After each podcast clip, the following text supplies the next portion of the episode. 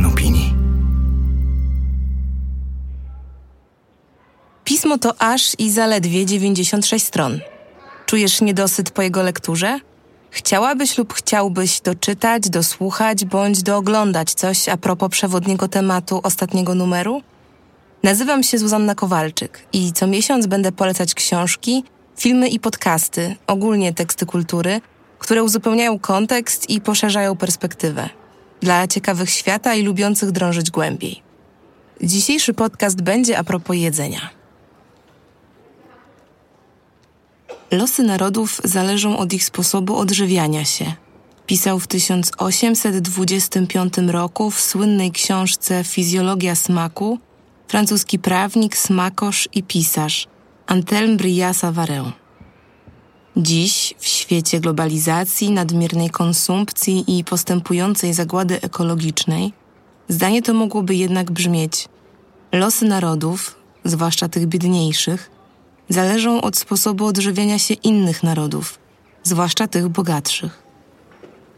Na przykładzie produkcji żywności widać bowiem jak na dłoni wszystko to, co ze współczesnym światem jest tak bardzo nie tak. Są to choćby rosnące nierówności społeczne, o których w kontekście jedzenia pisze na łamach krytyki politycznej w artykule Dlaczego biedni są grubi Piotr Wójcik. Wbrew obiegowym opiniom i w oparciu o liczne badania, dowodzi on, że to nie kwestia wyboru czy przypadku, że biedniejsi są statystycznie bardziej otyli i schorowani. Groźniejszą stronę tego problemu pokazuje w swoim monumentalnym reportażu Głód argentyński dziennikarz i pisarz Martin Caparos, poszukując odpowiedzi na pytanie, jak to możliwe, że w XXI wieku, gdy tak wielu opływa w luksus, z powodu głodu wciąż cierpi 795 milionów ludzi. Głód, nazywany reportażem totalnym, to przykład rzadko spotykanego dziś rozmachu i nieustępliwości w docieraniu do sedna sprawy. Niewygodna prawda, z jaką konfrontuje czytelnika Kaparos, uwiera tym bardziej, że podczas gdy co dziewiąty człowiek na świecie nie ma co jeść, marnuje się rocznie średnio 1,3 miliarda ton żywności. Tej naszej rozrzutności, niewiedzy i nieodpowiedzialności względem jedzenia – przygląda się wnikliwie w reportażu na Marne Marta Sapała. Autorka pokazuje jednak, że większość żywności nie jest marnowana przez konsumentów, ale producentów i sprzedawców.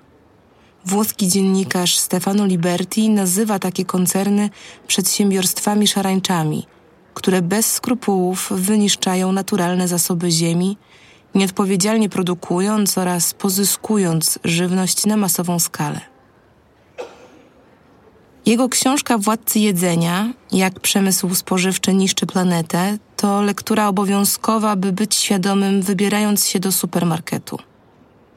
Dla uzupełnienia obecnego w niej obrazu warto obejrzeć wyprodukowany przez Netflixa serial dokumentalny Roten, pokazujący, że niemal każdy produkt ma swoją ukrytą cenę, którą najczęściej płacą najubożsi.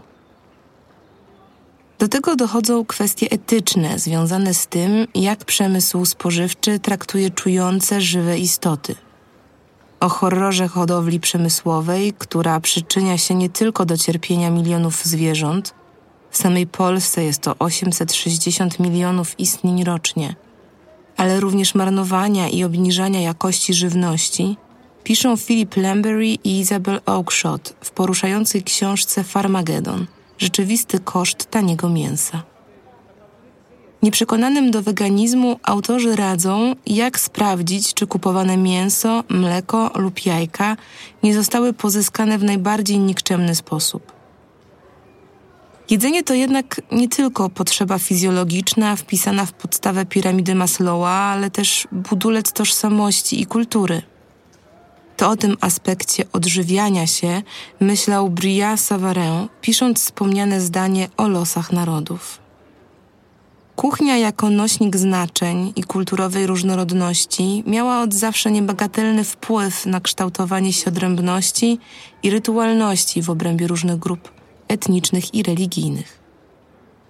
By dowiedzieć się, jak duży, warto sięgnąć po zbiór Jedzenie, rytuały i magia, w którym żywienie się ludzi pokazane jest z wielu perspektyw, zarówno etnologii, jak i socjologii, teologii czy historii. Zainteresowanym kontekstem polskim polecam zaś książkę Jarosława Dumanowskiego i Magdaleny Kasprzy-Krzewrio Kapłony i Szczerzuje, opowieść o zapomnianej kuchni polskiej, w której znaczenie rytuału i historii jedzenia ukazane jest na naszym rodzimym przykładzie. Sztuka gotowania to pojęcie, które można potraktować też dosłownie – Najbardziej dosadnie zrobił to chyba Salvador Dali w wydanej w 1973 roku książce kulinarnej Le Diner de Gala.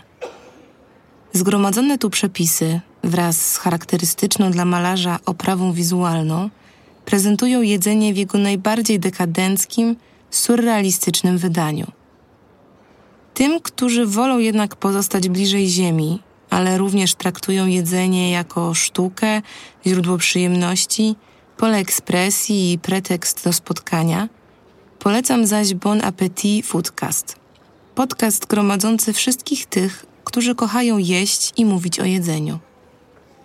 Zgadzam się bowiem z Julią Child, która powtarzała, że ludzie, którzy kochają jeść, to zawsze najlepsi ludzie. A z dzisiejszej perspektywy jeśli do tego są jeszcze świadomymi konsumentami, to już nie mam co do nich najmniejszych wątpliwości. Tekst ukazał się w 26 numerze miesięcznika Pismo, magazyn opinii, czytała Zuzanna Kowalczyk.